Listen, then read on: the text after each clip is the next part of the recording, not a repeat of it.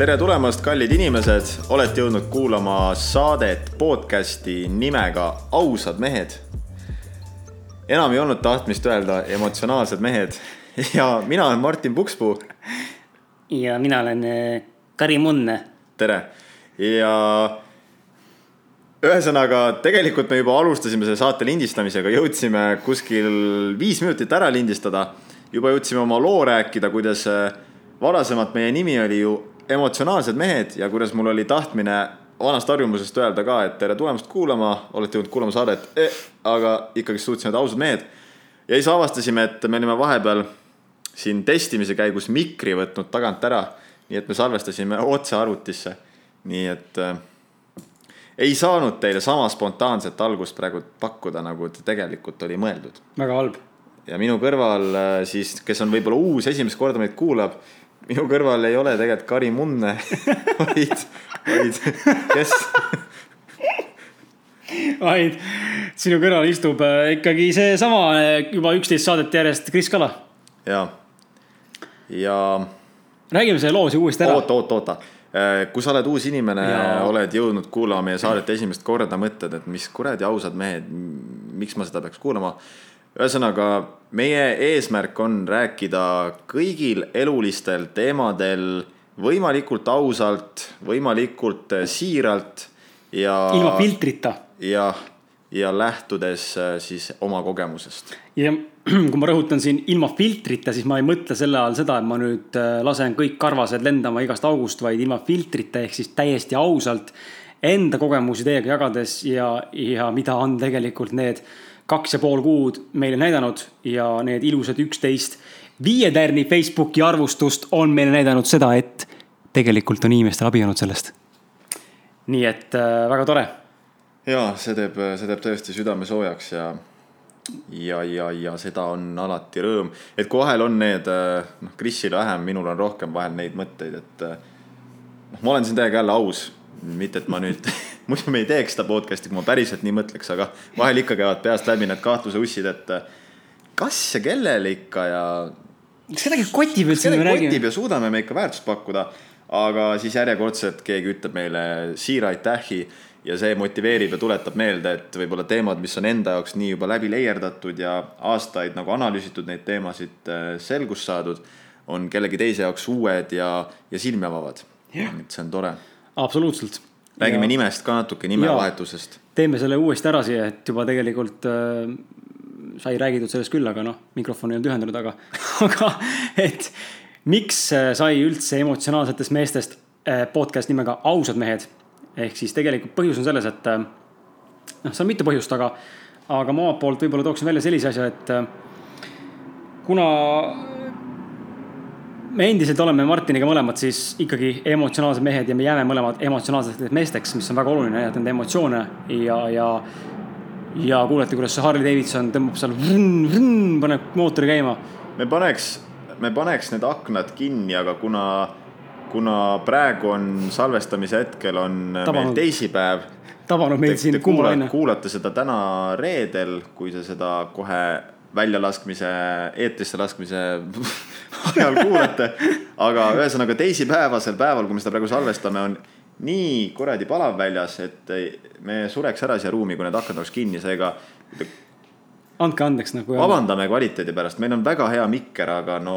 võtab ikka kõiki asju üles, no midagi ei ole teha. aga võtab kõik need helid, mis sealt aknast väljast tulevad ülesse kahjuks ja. jah, et võib-olla me tegelikult mõtlesime ka Rahvusraamatukokku minna lindistama, aga. haudvaikuses. haudvaikuses jah, et saaks seal lihtsalt vegeteerida ja minna täiesti süvatasandile aga, aga Rahvusraamatukogu on kinni praegu kuni, kuni juuli keskpaigani. noh, praegu ongi juuli keskpaik, aga no veel viis päeva. Et seega me ikkagi teeme Martini juures ja siin tuleb arvestada, et siin ikkagi vahepeal sõidavad trammid mööda ja, ja, ja ruum kajab ja, ja, ja sada muud häda ka. Harley Davidsonid kiirendavad vahepeal siin võidu ja see on okei okay,, nii et andke andeks, kui häirib teid, kui ei häiri, tegelikult ma tean, et paljusid ei häiri, inimesed tulid meid kuulama. aga kui häirib, siis laske sellest mööda ja üritage keskenduda meie häälele, aga taaskord tulles tagasi selle saate nime juurde, et lühidalt siis äh, me oleme endiselt emotsionaalsed mehed aga kuna me räägime saates väga palju aina aususest, kiiremini hakkad rääkima aga. kuna me räägime saates väga palju aususest, et saaks kiiresti ajaga edasi minna. ma arvan, me võiks tegelikult äh, hakata kuidagi panema juurde, et näiteks kui sa ei taha meie sissejuhatust kuulata, siis alusta näiteks minutist kaheksa või mis iganes nagu sest et ma nä- näen küll, et tegelikult meil tihti need sissejuhatused nagu venivad ja siis me alles hakkame nagu teemaga rääkima. ja selle saab, selle saab, selle saab sisse monteerida saate algusesse, enne kui saade peale hakkab, see on täitsa hea mõte ja, ja võib-olla isegi proovime seda selle saatega või siis järgmise saatega. aga et äh, endiselt aususest, et kuna see saade on väga aususest ja siia otsekohesusest ja siirusest ja, ja siis lihtsalt meile tundus, et see emotsionaalsed mehed jättis justkui sellise mulje, et et, et Martin, äkki tahad siis selgitada, sa selgitasid väga hästi enne, et see kõlas väga hästi sinu suust. Ja et äh, kui ma mõtlen selle peale, et ma näeksin kuskil nüüd pealkirja, et podcast Emotsionaalsed mehed, siis mu esimene mõte tegelikult, mis sellega seostuks, on ikkagi see, et äh, keegi ülimalt emotsionaalne mees, kellel on raskusi oma emotsioonide nii-öelda haldamise juhtimisega nutab mikrofoni. kes on nagu jah, selles mõttes võib-olla hästi tujud vahelduvad ja noh, see ei väl-, ei, ei väljenda ju seda, mida me oma podcast'iga näitame või millest me räägime, et pigem võib-olla miks meil see siin nimi valitud, oli pigem selle järgi, et me meestena räägime erinevatest teemadest väga ausalt ja siiralt, mida võib-olla enamik mehed ei julge teha. räägime oma emotsioonidest, tunnetest väga ausalt ja siiralt ja seetõttu sai selline nimi valitud, aga nüüd me jah, nagu otsustasime, et see võib-olla ei peegelda päris seda, mida me tegelikult tahame edasi anda oma saatega ja ennekõike me ikkagist räägime kõigest äh, võimalikult, võimalikult ausalt, nii ausalt, kui me hetkel oskame, suudame oma praeguse elukogemuse juures ja nii siiralt, kui me suudame.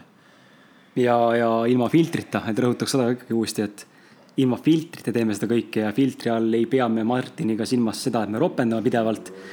seda ka juhtub aeg-ajalt, viimaste saadete jooksul on seda vähemaks läinud mingil põhjusel, võib-olla ka teemad on veidi tõsisemad olnud. Aga põhimõtteliselt jah, et ilma filtrita ehk siis täiesti ausalt otsekoheselt, nii nagu tegelikult on, sest et sest et ma ei ole ka mingisugune guru ja kõiketeadja, aga kui ma, kui ma vaatan ringi internetis ja, ja vaatan üldse, mis toimub Eesti maastikul, siis tegelikult võib-olla ma eksin praegu, võib-olla ma hästi ei tea neid asju, aga mulle tundub, et tegutsedes kirjanikuna ja tehes ka podcast'i, ma näen, et väga paljud äh,, ei ole väga palju inimesi, kes tegelikult väga ausalt julgeks midagi välja öelda või kirjutada kuskil. ja, ja on väga palju sihukest nunnutamist ja nossutamist ja sihukest sussutamist, aga ei ole sellist otsekohest väljaütlemist, et tead, mul on praegu sitasti. ja, ja elu on praegu perses ja mul on praegu fucking raske ja see on äh, õõvastav ja see on olnud haavav ja see on valus olnud ja see on raske olnud ja see on olnud traumeeriv kogemus ja nii edasi ja, ja ma arvan, et see on põhjus, miks me oleme selle saatega teinud, et näidata inimestele, et me kõik oleme tegelikult mingil tasandil omadega katki. Me kõik tegelikult vajame mingil tasandil iseendaga kõvasti tööd, tööd või tegemist vähemasti mingil eluperioodil. või mingi eluperioodil jah, et. ja, ja selle näitamine ei ole, selle, selle haavatavuse näitamine ei ole nagu patt, see on pigem minu, minu meelest on see just julgustav ja nagu näitab tegelikult seda.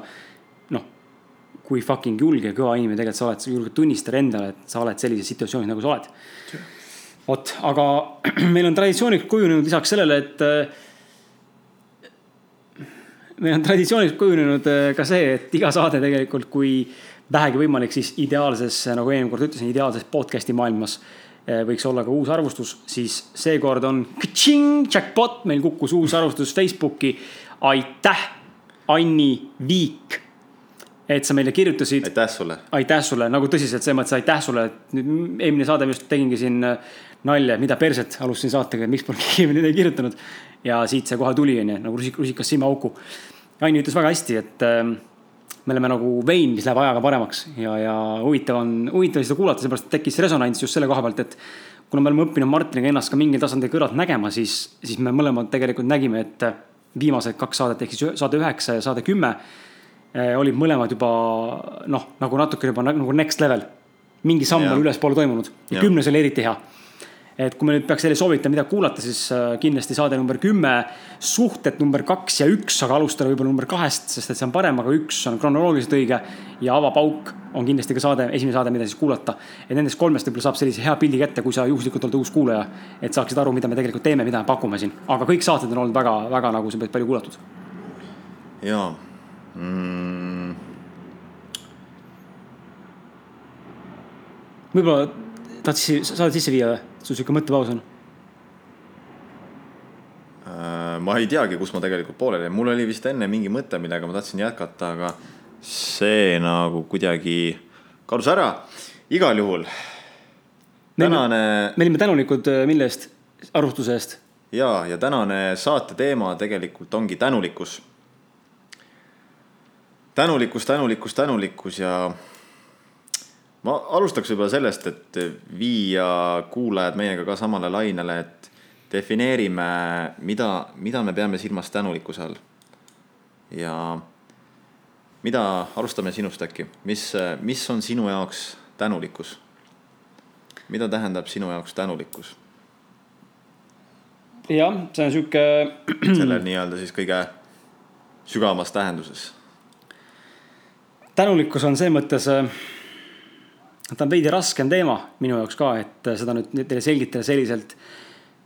et ma suudaksin, suudaksin ennast nagu välja anda adekvaatse infona, et see jõuaks ka teile kohale.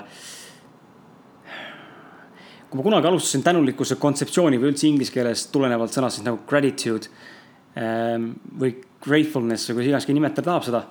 alustasin kunagi raamatute Secret põhjal ja, ja raamat The Secret, kes veel lugenud ei ole, siis eesti keeles saladus, eh, on siis põhimõtteliselt räägib sellisest asjast nagu külgetõmbeseadus ehk siis the law of attraction. ja, ja noh, ilma sellesse pikemalt peatmata praegu, sellest kindlasti tuleb teha eraldi saade, ma arvan, külgetõmbeseadusest, sest et see on asi, millesse mina usun täielikult ja mis minu elus on väga palju töötanud ja töötab siiamaani täna. ja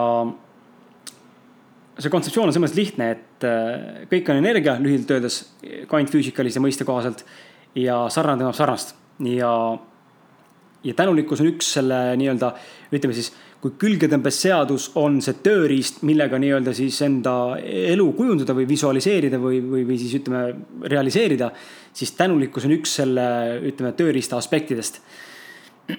ja kui ma esimest korda selle mõttega tutvusin, loomulikult ma olen terve elu, noh, me kõik tegelikult oleme ju, lähme nüüd väga, toome võib-olla sammu tagasi, toome ennast väga sellesse maisesse tasandisse, et me kõik oleme tegelikult ju elus olnud tänulikud väga selles lihtlabases vormis.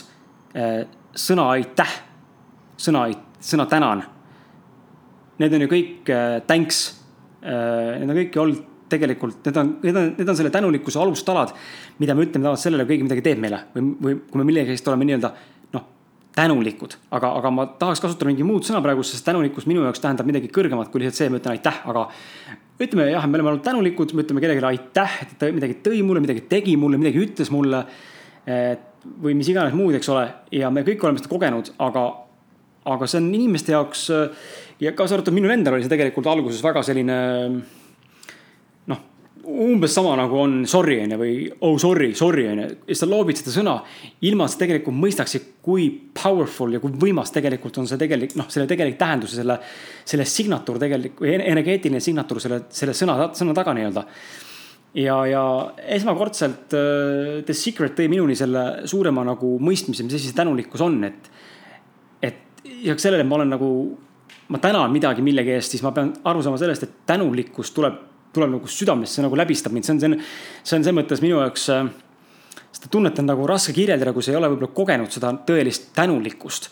aga see tõeline tänulikkus, mulle tundub, et tihtipeale inimesed kogevad seda just siis, kui, kui on midagi väga kardinaalset elus toimub, millega saab võrrelda midagi, midagi selle eest nagu näiteks noh, toome võib-olla lihtsa näite. kui sul on millestki puudus elus olnud pikalt ja, ja toome siin võib-olla kõige, kõige parema näite näiteks raha on ju, mis on kõigil inimestel noh, paratamatult see on kõigil väga oluline ja, ja ühiskonnas on see oluline, et me oleme materiaalne ühiskond kahjuks ja, ja see on meie monopol sihuke siin.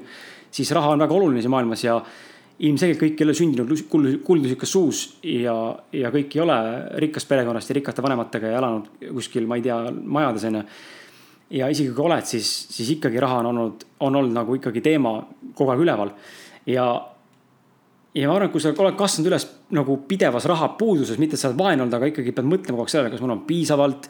kas ma saan kulutada, kas ma saan raisata, kas ma saan osta seda, kas ma teen seda millegi muu arvelt ja nii edasi.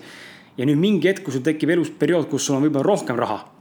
siis sa tunned seda, et sa oled nagu tänulik selle eest, et sul on see nüüd olemas, mida sul enne ei olnud.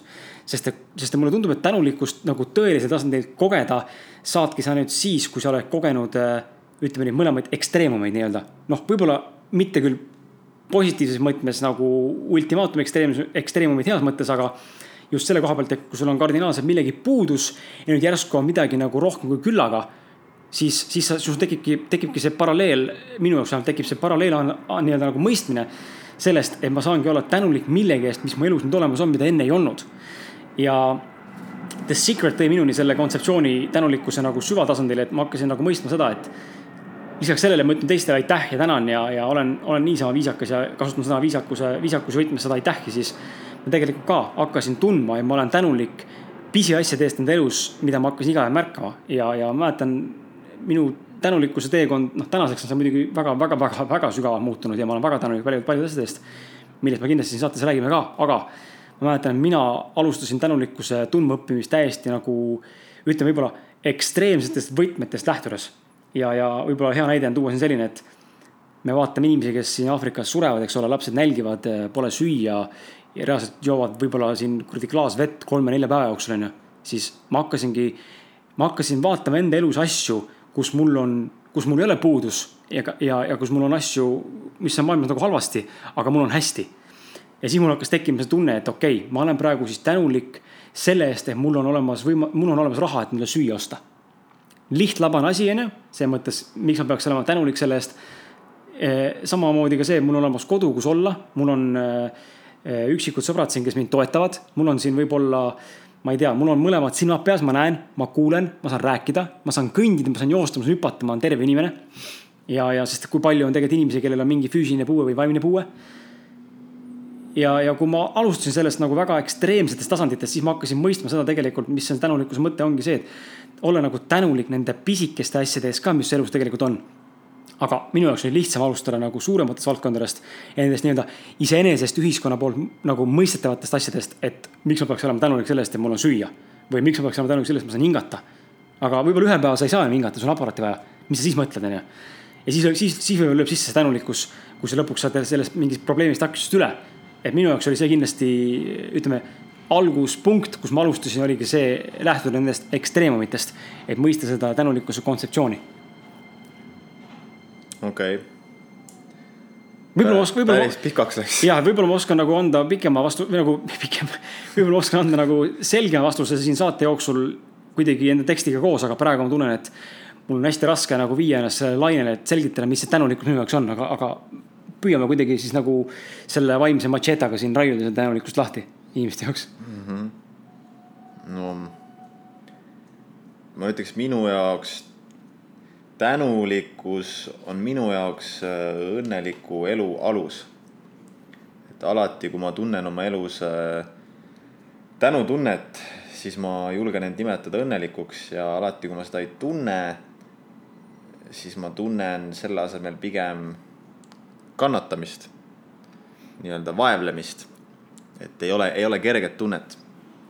ja tänulikkuse tundega alati kaasneb minu jaoks kerge, kerge tunne, rahulolutunne, kohaloleku tunne. ja kui tänulikkus puudub, siis on raske tunne, vaevaline tunne ja selline, et ei ole kohal ja mõtted on peas ja mured on peas ja ühesõnaga tänu, tänulikkus on minu jaoks nagu see noh, muidugi ka see sihuke igapäevane pinnapealne tänulikkus on ju, et äh, aitäh, käid poes, ütled aitäh kassapidajale, noh, mis iganes, sellised näited. aga minu jaoks jah, see sügavamal tasandil tänulikkus on see kõikehõlmav tunne, kõike läbistav nii-öelda värvitoon, äh, mis on nagu minu elus tagaplaanil ja, ja mis nagu annab, see ongi selline tunne, et kõike on piisavalt, kõike on külluses. ma olen tänulik, mul on kerge olla, ma tunnen ennast külluslikuna, ma tunnen end hästi. ja jah, sellega vist saingi öeldud, mis on minu jaoks tänutunne. vaata selle ühesõnaga minu jaoks, ma isegi olen siin oma endale kirja pannud, et noh, enamike jaoks ilmselt elus küsida, mis on sinu elu eesmärk. Öeldakse, mis iganes, õnnelikuks saada, rikkaks saada. küsida, miks sa tahad rikkaks saada, selleks, et ma ei tea, olla vaba, olla õnnelik. noh, minu elu eesmärk on, on olla vaba, tunda end võimalikult vabalt, võimalikult vabana vabana siis nagu mitte selles tähenduses, et äh, vaba, mis iganes, vaba mees, vallaline mees, vaid vaba hinges. et äh, just nimelt ja see ja minu jaoks selle vabaduse tunde annabki see tänulikkus. kui mul on tagaplaanil, on see tänulikkus. Gratitude. sa mainisid, sa mainisid väga hästi seda tänulikkuse juures, seda tänutunnet. just nagu rõhutaksin seda tänulikkuse tunnet, seda sõna tunnet rõhutaks, et väga palju olen näinud elus inimesi, kes väideta-, väidetavalt väidavad, et nad on tänulikud, aga ma tegelikult käitumis, noh, maneeri või mustide peal näen, et tegelikult neil on süvatasandil pohhui. ja tegelikult nad ei ole tänulikud, nad, nad tegelikult ei tunne seda tänulikkust tõeliselt. aga räägime endast, näiteks. ja no ma toon võib-olla sihukese näite, mis ei ole nagu otseselt äh, nüüd võib-olla tänulikkuse nagu otsenäide, aga mis viis selleni välja, ma tegelikult olen täna väga tänulik selle eest juba mitmeid aastaid. kui mul esimene armastus, tõeline armastus, esimene tõeline armastus, esimene, noh, ütleme siis jah, jutumärkides tõeline armastus purunes, siis üleüldse mulle tundub tegelikult, et elus nüüd olles vanem, seitse aastat, kaheksa aastat vanem, mulle tundub tegelikult, et me mitte kunagi tegelikult elus ei tea seda. ja me ei saa mitte kunagi elus öelda seda, et see, mis on ühel hetkel halb, ei võiks olla ühel hetkel hea ja see, mis on ühel hetkel hea, ei võiks olla aasta pärast või kahe aasta pärast näiteks selline, selline asi, millest tahaksime elus lahti saada. et võib-olla tuua nagu lihtsad näited inimestele, et äh, tihtipeale inimesed räägivad, et mul on ideaalne suhe ja mul on kõik mõnus ja ilgelt tore ja, ja siis aasta pärast räägitakse, kui väga nad enda partnerit vihkavad.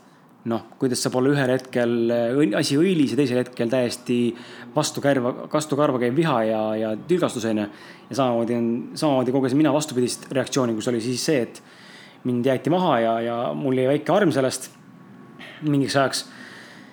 ja,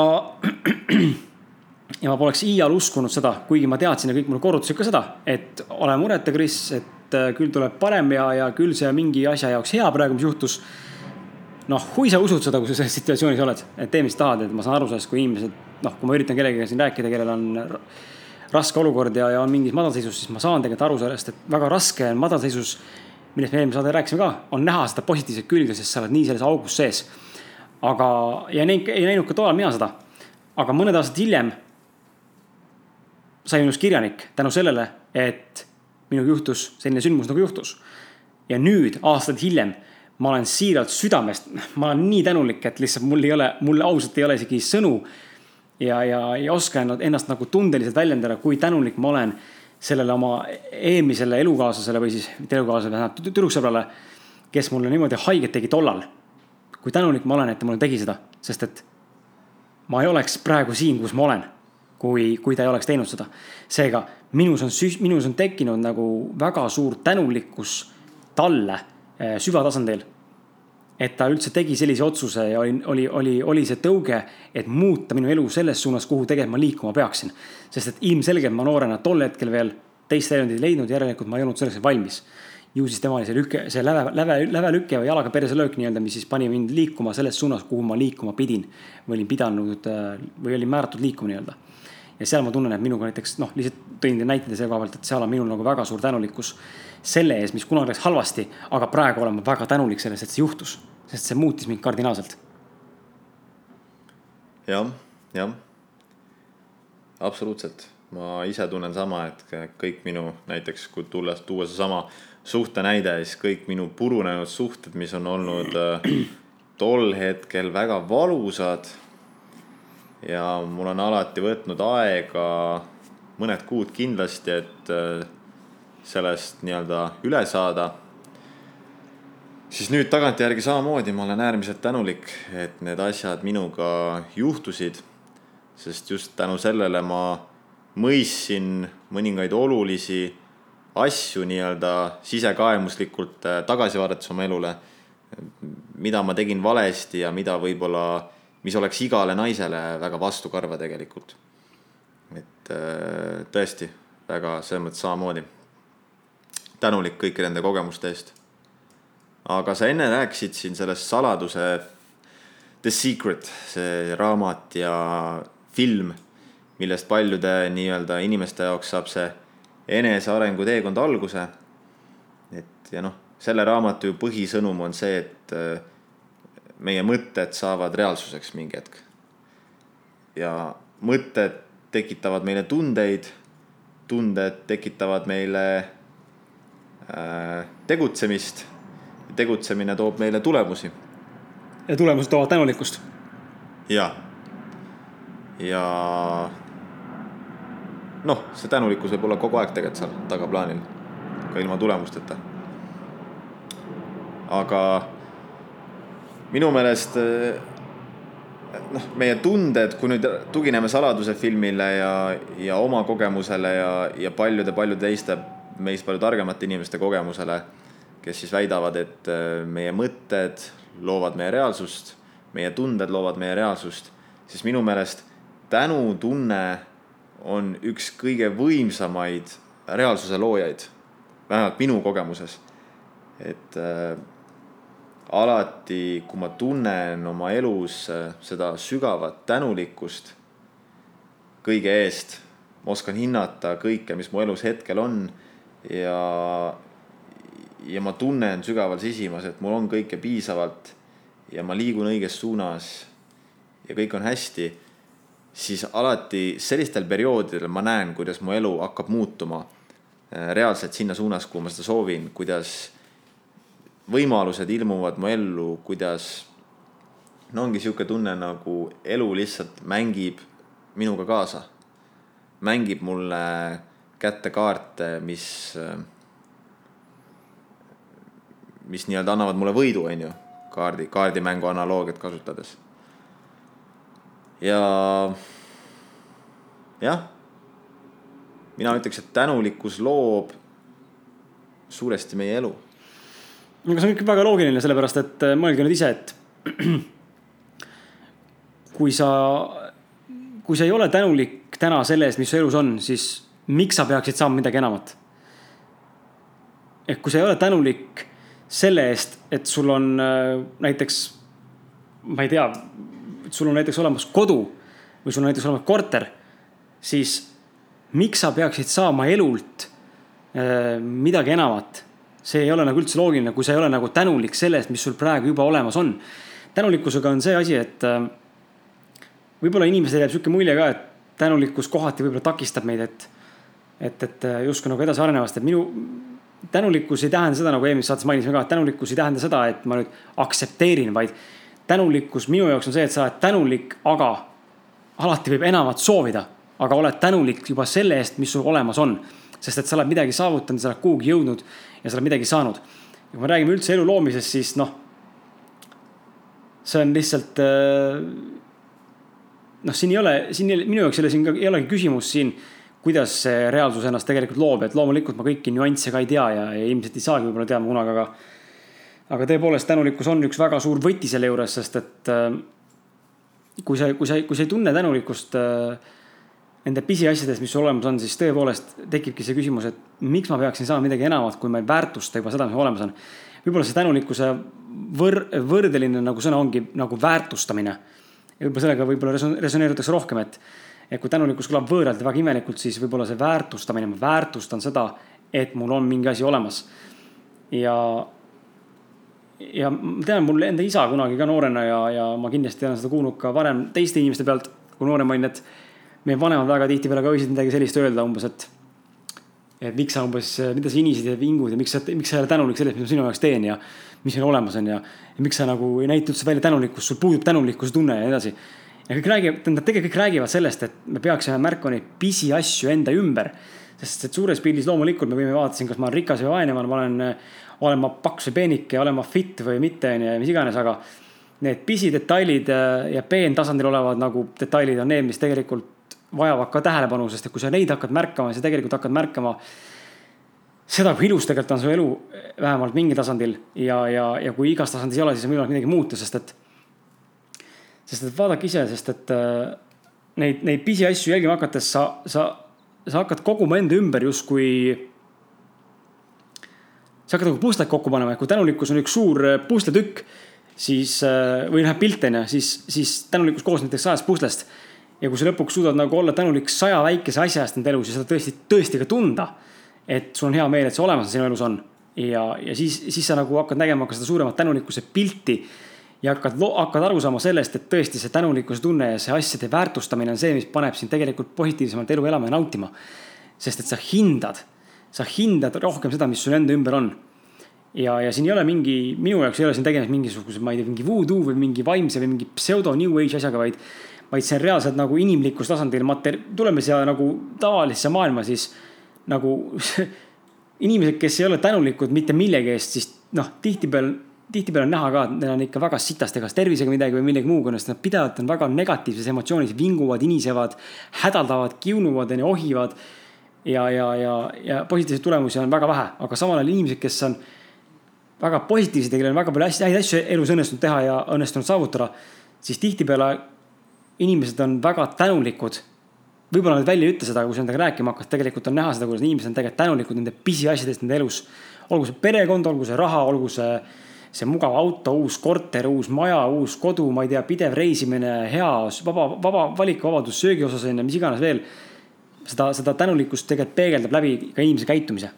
jaa, absoluutselt. jah, ma just mõtlesin ka sellele, et, et võib-olla inimene, kes ei ole kunagi noh, tutvunud sellise esoteerilise maailmaga ja ei ole lugenud eneseabiraamatuid ja ei ole ka tutvusringkonnas nii-öelda inimesi, kes võib-olla usuks rohkem sellesse, mida silmaga ei näe. ja kelle tutvusringkonnas võib-olla ongi ainult, ütleme nii-öelda realistlikud inimesed, siis see võib tunduda nagu sihuke jabur või nagu mis mõttes, et mu mingid tunded mõjutavad seda, kuidas mul elus läheb, et come on, et ma lihtsalt teen asju. sellest sõltub, on ju, kuidas mul elus läheb. aga jah, tegemine tegemine, eks ole, viib meid nende tulemusteni, et mida rohkem me teeme ja kui me suudame oma tegudega luua väärtust, siis me saame reeglina selle eest raha. ja mida rohkem me suudame oma tegudega luua seda väärtust, seda rohkem äh, me raha saame, on ju. Aga samas, miks on siis maailmas nii palju inimesi, kes on nagu väga rikkad tegelikult ja teevad enesetappe? miks on väga palju neid, kes on saanud esmalt rikkaks ja siis tulevad avalikult välja, ütlevad, et äh, tegelikult nende hinges valitses tühi auk ja nad ei olnud õnnelikud. see näitabki ju seda, et äh, see tunne enda sees on see, mida me tegelikult elus taga ajame. Ja, ja noh, minu, minu kogemus ja, ja, ja väga paljude, väga paljude teiste kogemus igal juhul näitab ka seda, et ikkagi see see tunne on see, mis lisaks tegutsemisele aitab luua reaalselt enda elu. sest samamoodi, noh, see on nagu, kui juba teadlased räägivad sellest ju täpselt samamoodi, et, et kõik on äh, energia. Kui me läheme aatomist veel väiksemaks, siis see on ka energia, erinevad energiasagedused, erineval sagedusel võnkuv energia mis moodustab meile selle reaalsuse siin. ja sarnane energia tõmbab sarnast. ja seetõttu see isegi ka teaduslikul tasandil ju omab täielikult loogikat, et kui ma, kui mina olen ka koosnen energiast, kui sina koosned energiast, siis see, mida ma tunnen, mida ma mõtlen ju sõna otseses mõttes mõjutab. milli, milli, millist energiat ma oma elus jah kogen ja see ongi, see on alati väga huvitav näha, sest et noh, ma siiani kindlasti ei saa ka ju, kõigume väga palju ikkagi selle tänulikkuse ja tänulikkuse puudumise vahel. tendents on küll kogu aeg äh, sinna suunas, et seda tänulikkust tekib aina juurde. Aga siiski on seda kõikumist ja, ja nagu see, see on kohe näha, kuidas nii kui ma ei ole tänulik, kui see tagaplaanil olev tunne on pigem sihuke puuduse tunne sihuke hirmutunne, siis kohe on näha ka, kuidas nii-öelda väli, noh, elu hakkab nagu peegeldama tagasi, et asjad ei sujugi nii hästi, asjad ei, ei, ei lähegi nii sujuvalt ja, ja nüüd justkui see teistsugune reaalsus hakkab ennast looma. nii-öelda reaalsus, mida ma siis ei soovi tegelikult ju. Ja samas, kui on see tänulikkus olemas, siis kohe näen, kuidas ma hakkan looma omale seda, sellist reaalsust, mida ma tegelikult hinges sügaval soovin tooksin võib-olla, toon ühe näite siia. ma ei tea, kui täppi see läheb, ma loodan, et läheb. see on äh, taaskord selles, kuidas mina oma teekonda alustasin, aga kuna see on, kuna see on mulle nii meelde jäänud, mille pealt ma olen alati ka edaspidi tulevikus siis mingites elusituatsioonides käitunud, üritades meelde tuletada, mis tunne mul oli, kuidas ma seda tänulikkust kasutasin ja kuidas ma üldse enda elu loo, nagu, nagu lõin siis. siis äh, kui ma esimest raamatut välja olin andmas, siis mul tegelikult ju oli väga palju etappe veel elu sees. välja, raamatu väljaandmine, kirjastuse leidmine, äh, ma ei tea, turundus, eks ole, seal mis iganes muud raamatu kirjutamine, lõpp, viimistlus, sada muud asja otsa veel. mul polnud õrna aimugi, aga ma mäletan väga hästi, ma oli, üritasin olla hetkel, tol hetkel, kui ma seda kõike tegin, üritasin olla tänulik kõige selle eest, mida ma saavutama hakkasin. ja mida ma tegema hakkasin, ma üritasin tunda sisimas, kuigi see tundub praegu võib-olla kuulajana ja tundus ka mulle absurd. et kuidas ma saan tunda midagi, mida ma veel elus tundnud ei ole ja see on, ja see nüüd ongi see point, mis asja juures on huvitav. mida ma olen hiljem ka enda elus märganud. et selle selle elu loomise juures läbi tänulikkuse on ülimalt oluline see tänulikkuse tunne, mitte tänulikkus ise, nagu me mainisime siin ka. aga tihtipeale kui.... tänulikkus, tänulikkuse tunne ongi ju tänulikkus ise. jah, aga nagu lihtsamas mastaabis tänulikkus on, ongi see nagu aitäh, palun ja, ja, ja. aitäh sulle ja thanks ja nii edasi. aga et nagu mulle tundub, et see, see võtmefiguur on siin ja tihtipeale väga mitmete erinevate valdkondade juures on see palju raskem, sest me ei ole seda kogemust eelnevalt kogenud on olla, on olla tänulik millegi eest, mida me varem kogenud pole. sest et noh, loogiline, kuidas, kuidas sa saad olla millegi eest tänulik, kui sa ei tea, mis asi tegelikult on ja mida, mismoodi sa, mismoodi see sind käituma, mõtlema ja tundma paneb. aga selle asja juures, selle asja võti ongi see, et tulebki olla võimeline justkui ette kujutades tunnetada, mis tunne võib olla, kui sa selle oled saavutanud. ja ma mäletan, et mind aitas väga palju see, kui ma üritasin tunda ja mõelda selle peale, mis tunne või mis, mis, missugune tänulikkus võiks mind, võiks mind nii-öelda siis üle valada sel hetkel, kui ma lõpuks oma raamatuga jõuan raamatupoodidesse kirjanikuna ja müün neid, inimesed ostavad, inimesed loevad, inimesed kiidavad, saan tunnustust, saan ka raha veidi, saan ka, ma ei tea, mis iganes veel. ja, ja ma olen täiesti veendunud, et lisaks kõigile muule tegevusele ja sellele füüsilisele tegev, tegevuskavale, mida me tegime tol hetkel, see tänulikkuse tunne ja sellest nii-öelda eelnevalt juba ette mõtlemine oli see, mis tegelikult seda kasvatas ka, sest ma juba tundsin, et ma olen tänulik, et ma olen selle saavutanud. ja, ja varem või hiljem see ka juhtus, et äh, tänulikkust tunda millegi eest, mida veel olemas ei ole, on minu meelest väga-väga suur eelis. aga seda on väga raske vahepeal teha, et nagu sa ütlesidki mm -hmm. siin, sa ütlesid ka siin, et enda, endagi elus valdkonnad mõnikord praegu siin viimasel ajal loksuvad, et ma püüan iga päev olla tänulik äh, ja oma mõtetes ka olen. aga kindlasti saaks seda veel teha teadlikumalt, et ma siin mingi aeg näiteks päevikud kirjutades hommikuti olen, äh, panen kirja viis kuni kümme asja. mille eest ma oma elus tänulik olen ja, ja need tihtipeale on väga lihtsad asjad, et äh, mul on, ma olen tänulik, et mul on nii hästi toimiv suhe ma olen tänulik, et ma sain hommikul süüa näiteks, ma ei tea, kaerel ja putru onju, noh, kõlab absurdselt, aga ma olen tänulik selle eest ja ma reaalselt, reaalselt püüan neid asju nagu tunnetada oma kirja panna, mitte ma lihtsalt ei pane kirja, et ma olen tänulik, et mul see kahvel on, noh.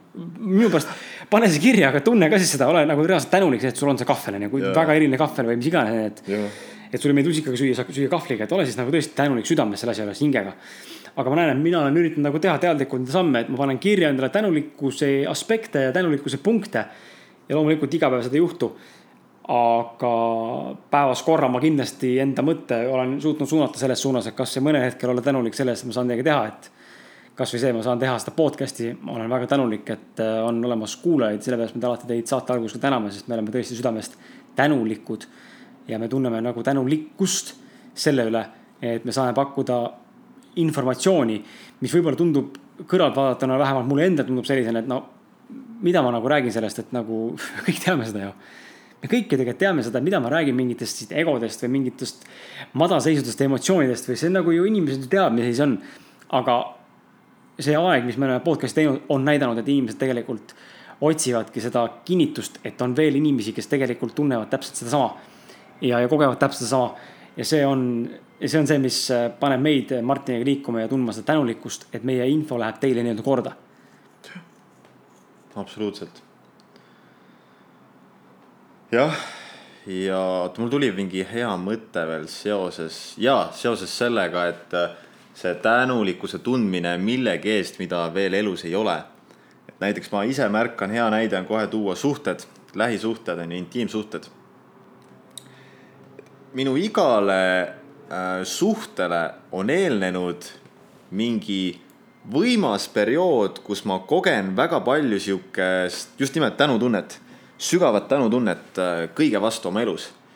ja, ja alati ma olen sel perioodil tundnud ka tugevat armastust iseenda vastu. nagu sellist tunnet, et ma armastan iseennast. mul on iseendaga hea olla. Äh, ma naudin just nimelt aega iseendaga. ma olen ikka kuradi kihvt mees, onju. Siukse mõttega. jah, seda ka. aga, aga nagu just see, et, et ma tunnen end omas nahas hästi. ma tunnen end oma kehas hästi ja vabalt. ja, ja mul on see kergus hinges ja ma tunnen, et ma liigun õiges suunas. ja ma tunnen seda tänutunnet kõikide pisikeste ja ka suuremate asjade üle oma elus. ja seda armastust enda vastu. ja alati siis on minule tekkinud suhe ellu. alati, nagu aamen kirikus. see on tegelikult isegi naljakas. ma jagan teiega, kuulajad, et minu esimesed kaks suhet tegelikult ma isegi panin omale kuupäeva paika et selleks kuupäevaks ma olen suhtes ja nii läkski, mõlemad korrad. ja et selles suhtes ma ütlen ka nagu enda, enda kogemusele ka tuginedes, see ikkagi see, see tunne on väga võimas looja meie elus. ja ma ütleks isegi võimsam kui tegutsemine just, just nimelt sellepärast, et see tunne loob selle energia ja motivatsiooni tegutseda mm. -hmm ja see tegutsemine siis ei tundu enam nagu vastumeelne, see ei tundu enese push imine, vaid see tundub sihuke, ma tahan seda teha. ja, ja see, see, see ka tegelikult see, miks ma usun, kuidas saab elus jõuda nii-öelda väga suurte tegudeni või ütleme, inimesed, kes on elus teinud väga suuri tegusid. Ma ei usu, et need teod tulevad nagu selle baasilt, et inimene lihtsalt push ib ja teeb vastumeelselt, räigelt distsiplineerib ennast ma ei usu, et see nii toimib, meil lihtsalt ei ole sellist, sellist nii-öelda, ma ei tea, kuidas öelda, kapatsiteeti või nagu,.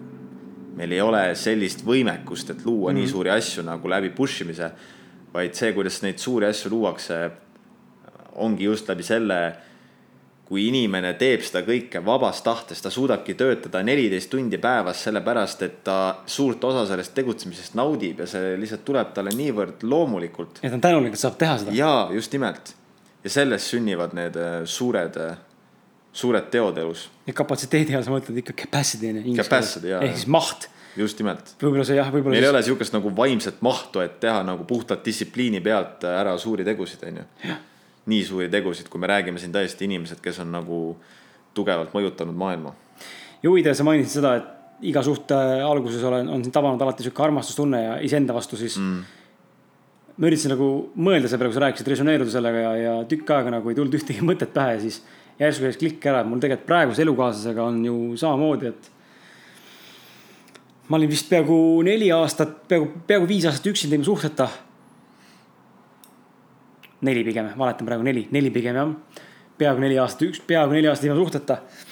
ja ma mäletan, et äh, lõpuks, äh, noh, ma ei tea, mis perioodist alates see oli ja kui pikalt see oli, aga mingi hetk ma mäletan, nagu praegu mõtlen, noh ma ei, ma, ma ei saa öelda, ma mäletan, sest ma tegelikult ei mäleta, aga praegu meenub mulle, et ma tundsin mingil hetkel eh, väga suurt tänulikkust ja armastust iseenda vastu, ehk siis ma mäletan, mul tekkis, mul tekkis täielik aktsepteerimine selles osas, kes ma tegelikult olen ja kuhu ma olen jõudnud. Ja ma tegin nagu rahu, et kui ma enne olin hästi, hästi nagu kriitiline, mind jäeti maha ja pole piisavalt hea ja pole leidnud uut suhet, keegi taha ja ma ei leia ühtegi tüdrukut ja kõik Tallinna tüdrukud on võetud ja kõik on kohanud juba ja no mis on võimatu, onju, aga sihuke mulje vähemalt jäi, et kõiki mm -hmm. tüdrukuid no tead juba ja no mitte keegi ei sobi noh.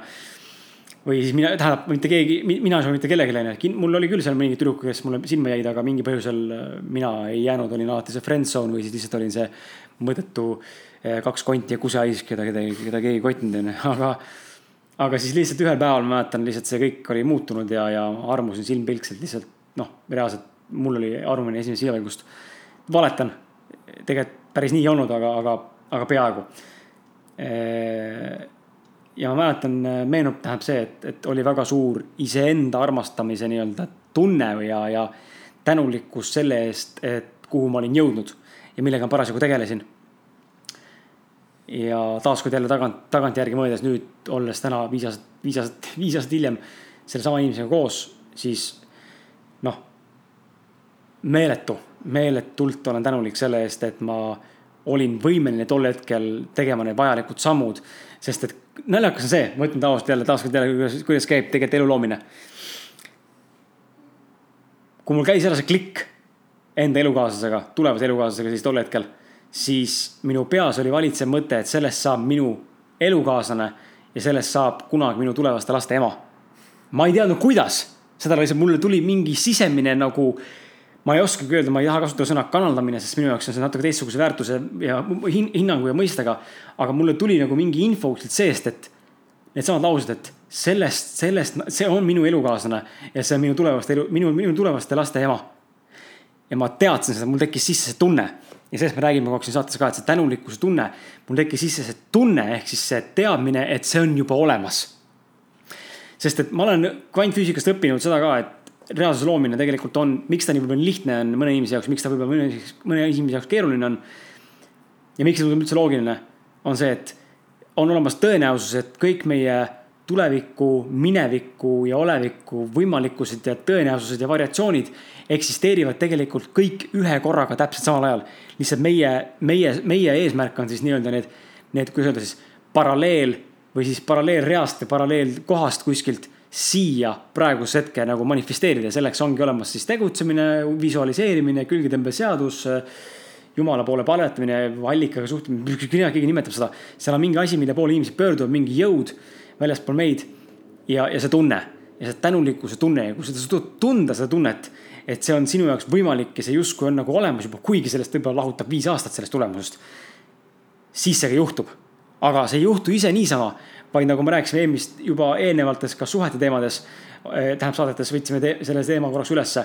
selleks, et midagi ikkagi elus saavutada, tuleb selleks ka vaeva näha, sul tuleb, you have to put in the work on ju, ehk sa pead tegema ikkagi neid samme, igapäevaseid samme, füüsiliselt tegema midagi selleks, et sa ikkagi liiguksid selles suunas, kuhu sa liikuda tahad, aga nagu Martin ütles, tänulikkus on see, mis loob selle tunde ja tun-, tunne loob selle tegutsemise see tunne tekitab motivatsiooni ja inspiratsiooni tegutseda, sest sa oled seda kogenud ja sa tahad seda veel mm. -hmm kuigi seda veel ei ole, mis on tegelikult absurd, onju.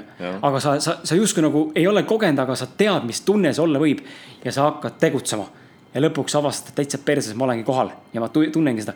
ja siis sa saad öelda, et ma olen tänulik.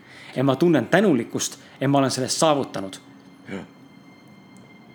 ja minu meelest isegi just nimelt see, see protsess selle eesmärgi suunas on see kõige nagu äh, rahuldust pakkuvam.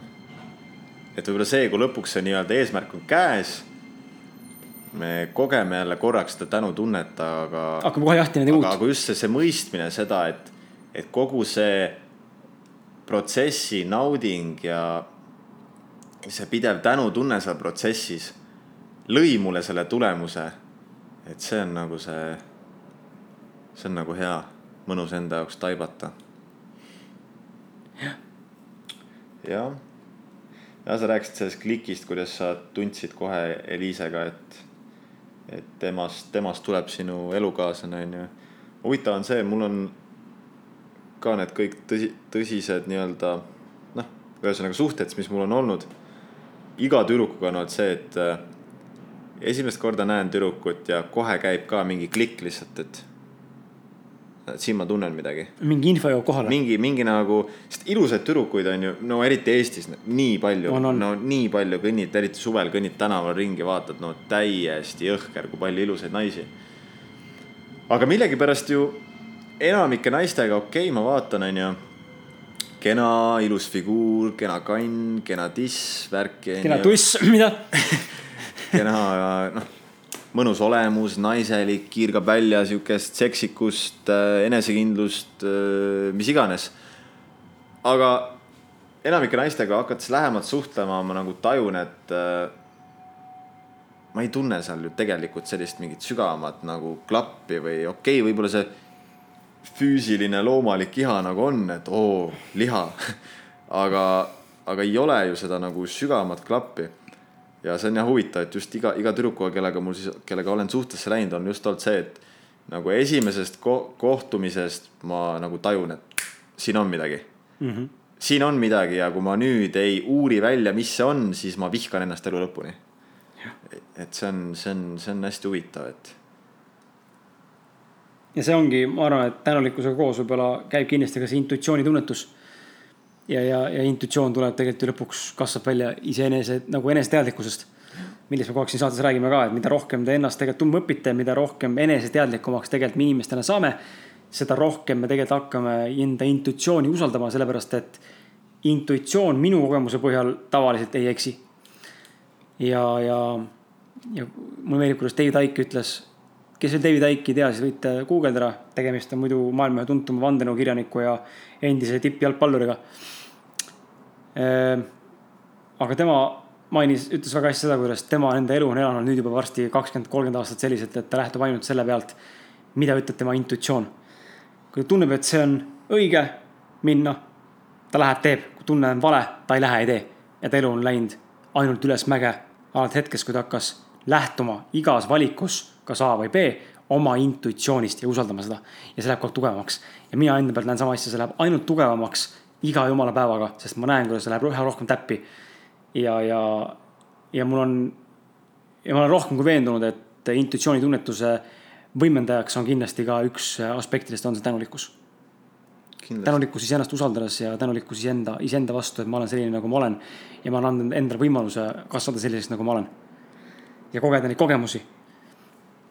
et, et jah, ja siin Eestis naistest rääkides ma tahtsin tegelikult vahele öelda ka, et, et äh, siit kiidusõnad Eesti naistele, tõesti noh, Eestis on väga palju ilusaid tüdrukuid ilusaid naisi, et äh, siin täna kõlab pervertlikult, aga siin täna sõitsin, äh, sõitsin bussiga ja, ja istus üks noor, noor tüdruk, noh, ma ei tea, ta oli ikka väga noor, ma arvan, aga ma mõnikord vaatan neid lapsi kõlan nagu mingi pedofiil nüüd, aga ma vaatan neid lapsi ja saad aru, mõned tüdrukud, mõned mul on imelik rääkida sellest, mitte nagu halvaga, vaid see paneb ennast naerma. et mõnel nagu noorel tüdrukul sa näed kohe ära, et ta on nagu nii rikkumata näoga. noh, ta on, ta on nii pilt ilus et, et see on nagu, ta on kuskilt nagu, ta, ta ei ole siit maailmast. ja mul tekkis, tekib alati see mõte nende juures, et kui nad ainult suudaks ennast hoida sellisena. seniks, kui nad saavad kasvõi kahekümneseks, kahekümne üheseks kahekümne viieseks. ja, ja kasvatada enda iseloomu ja enda, enda seda, seda, tegeleda iseenda sisemaailmaga, mitte ainult panna rõhku välise maailmasse, sest see on neil juba olemas. kui suudavad seda hoida ja kasvatada, siis neist saavad fantastilised naised. aga paratamatult ma ei taha siin panna ühte patta, aga ma tean et, et üheksakümmend protsenti teeb naistes seda viga, et minnakse lihtsalt seda välist ilu taga otsima ja seda materiaalset maailma ja unustatakse ära tegelikult enda sisemaailm. ja see rikub selle kompoti, nagu Martin ütleski. et sul on olemas tõmme, ilus tüdruk, silm jääb kinni ja, ja tekib mingisugune hasart või mingisugune tunne, aga sa näed ära kohe, et inimene tegelikult on nagu sisutühi. mitte midagi temas ei ole. aga see on lihtsalt nii kurb minu jaoks, et meil võiks ju olla ideaalis mõlemad, nii füüsiline kui vaimne võiks olla tasakaalus ja võiks olla täiesti perfektsed, et loomulikult ma ei tunne ka, ma olen maailma ilusam mees ja ilmselt ma ei ole ka. ja, ja aga lihtsalt ol, nii oluline on nagu seda, selles mõttes nagu tunda seda, et, et teadvustada, et sa näed hea välja. Ja, ja aktsepteerida seda ja olla sellega tänulik, et mul on nagu jube, jube, jube hea vaadata neid noori ilusaid tüdrukuid, kes, kellest tulevikus saavad väga ilusad naised. ja ma tõesti loodan, et nad on võimelised iseendaga tööd tegema selle nimel, et neist saaks ilus naine ka seest ja väljast. jaa. vot siis kui sa hakkasid, ma mõtlesin, et tuleb midagi nilbemat sealt. aga. hea on vaadata, mulle meeldib lasta lihtsalt silmal nagu puhata. väikeste tüdrukute peal seda, seda ma üritan mitte teha. seda ma õnneks ei tee ka. aga, aga jaa, hea on lasta silmal nagu puhata ilusate figuuride peal ja ilusate kannide peal ja ilusate kehade peal ja üldse, üldse ilma igasuguse nagu mingi tagamõteta või ilma igasuguse mingi sellise järgmise käiguta oma peas, et. et noh, see ürgne instinkt ju on meis kõigis olemas ja.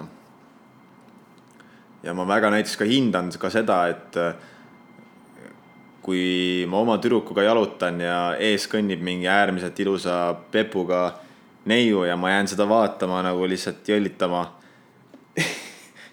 ja mu tüdruk märkab, et ma seda teen, nagu, nagu just hiljuti oli. et siis ta nagu võtab seda vabalt ja naljaga ja see on nagu väga lahe, sest see ju ei, see ongi lihtsalt see, milli-, millised me meestena oleme, et see ürgne instinkt jääb meisse, meisse alati alles ja see, kui ma lihtsalt võtan ja hingan endasse seda energiat ja, ja lasen silmal seal korra puhata, et noh, see on igati, igati tervislik. ja siis hakkan, Martini hakkan..., Martini peas aju, kes, kes mees on mingi väike Martin, kes hüsteeriliselt masturbeerib lihtsalt samal hetkel seda vaadates. no just ei, aga tegelikult ongi huvitav see, et sinna, sinna järgnegi nagu, ei järgne üldse seda mõtet, et tule ma tahaks keppida ei järgne seda, seda loomu, loomalikku nagu seda. instinkti nii-öelda. vaid, vaid, vaid just, just ongi, et, et vaatan,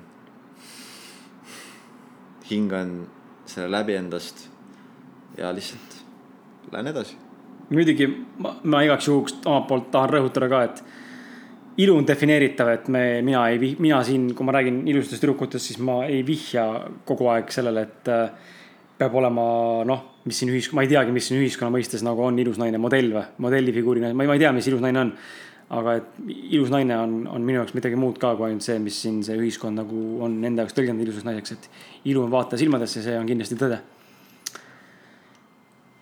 jah, tahad sa midagi veel tänulikkuse koha pealt lisada, mis sul piiblis kirjas on? ei ole midagi. midagi ei ole. no on kirjas, et tänapäeva epideemia on minu meelest see tänulikkuse puudumine, et kuna me lähme aina rohkem siukseks nutiajastuks, digitaalajastu meil on ju. aina rohkem aega veedame sotsiaalmeedias, aina rohkem näitame enda elusid just nimelt sellest ilusast ja perfektsest küljest ja keegi ei näita reaalsust, keegi ei näita neid madalamaid hetki keegi ei näita, mis tegelikult tema sisemaailmas toimub. okei okay,, seda õnneks tuleb aina rohkem juurde. Aga mass, massi tasandil võttes nagu seda siiski ei ole, siis rohkem tekib ka seda võrdlemist, eh, enesevõrdlemist teistega. ja aina rohkem tekib, ma märkan, kuidas minus endas väga tihti, olles pikalt sotsiaalmeedias surfates, tahab tekkida see rahulolematus ja noh, see on küll, ma ütleks, üks tänapäeva siukseid haigusi, et meil on kogu aeg vähe ja meil on kogu aeg vaja rohkem, rohkem, kiiremini, kõrgemale, kaugemale ja ei, ei, ei olda rahul sellega, mis juba on. ja ei mõisteta, et just nimelt sealt hakkabki see muutus ja suurema külluse, parema tervise, paremate suhete, mille iganes oma ellu lubamine ju algabki tegelikult sellest, kui olla juba juba reaalselt tunda rahulolu, tänulikkust selle vastu, mis meil elus on mm. -hmm.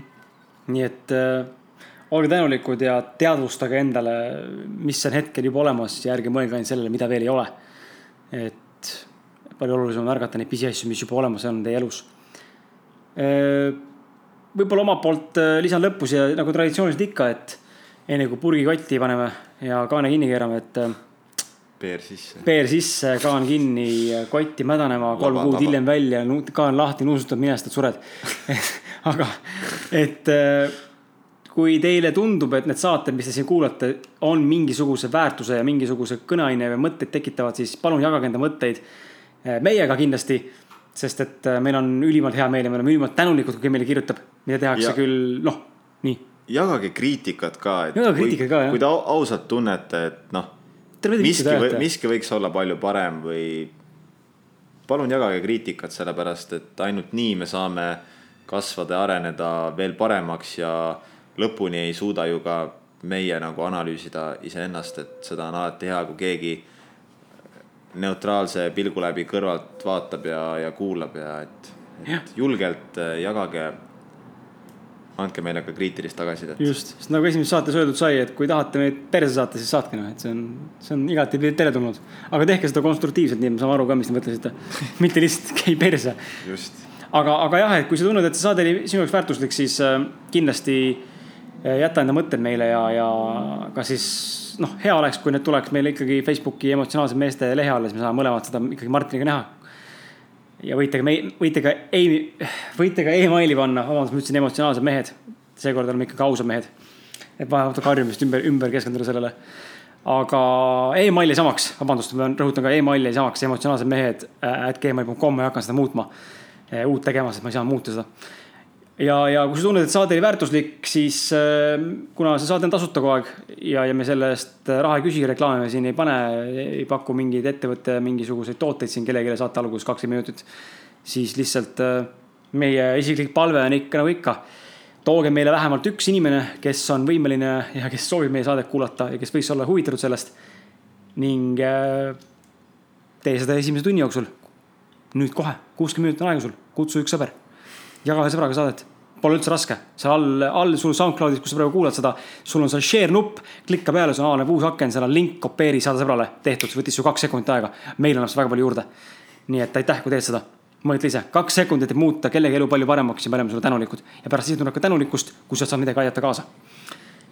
mind leiab äh, sotsiaalmeediast Äh, endiselt Kris Kala äh, Instagramis ja Facebookis Kris Kala ja autor Kris Kala ja koduleht on kriskala.com. ja mind leiab äh, Instagramis, at Martin Pukspuu. seal on mul enamasti siis treeninguteemaline info ja postitused. ja Facebookis olen siis Martin Pukspuu või personaaltreener Martin Pukspuu. vot. Koduleht. martinpukspuu.ee. väga õige. nii ta on. jah, seal on ka treeninguteemaline info, kuidas minu juurde trenni tulla. aga olge mõnusad ja. kohtume järgmises saates. just, tšau. tšau, tšau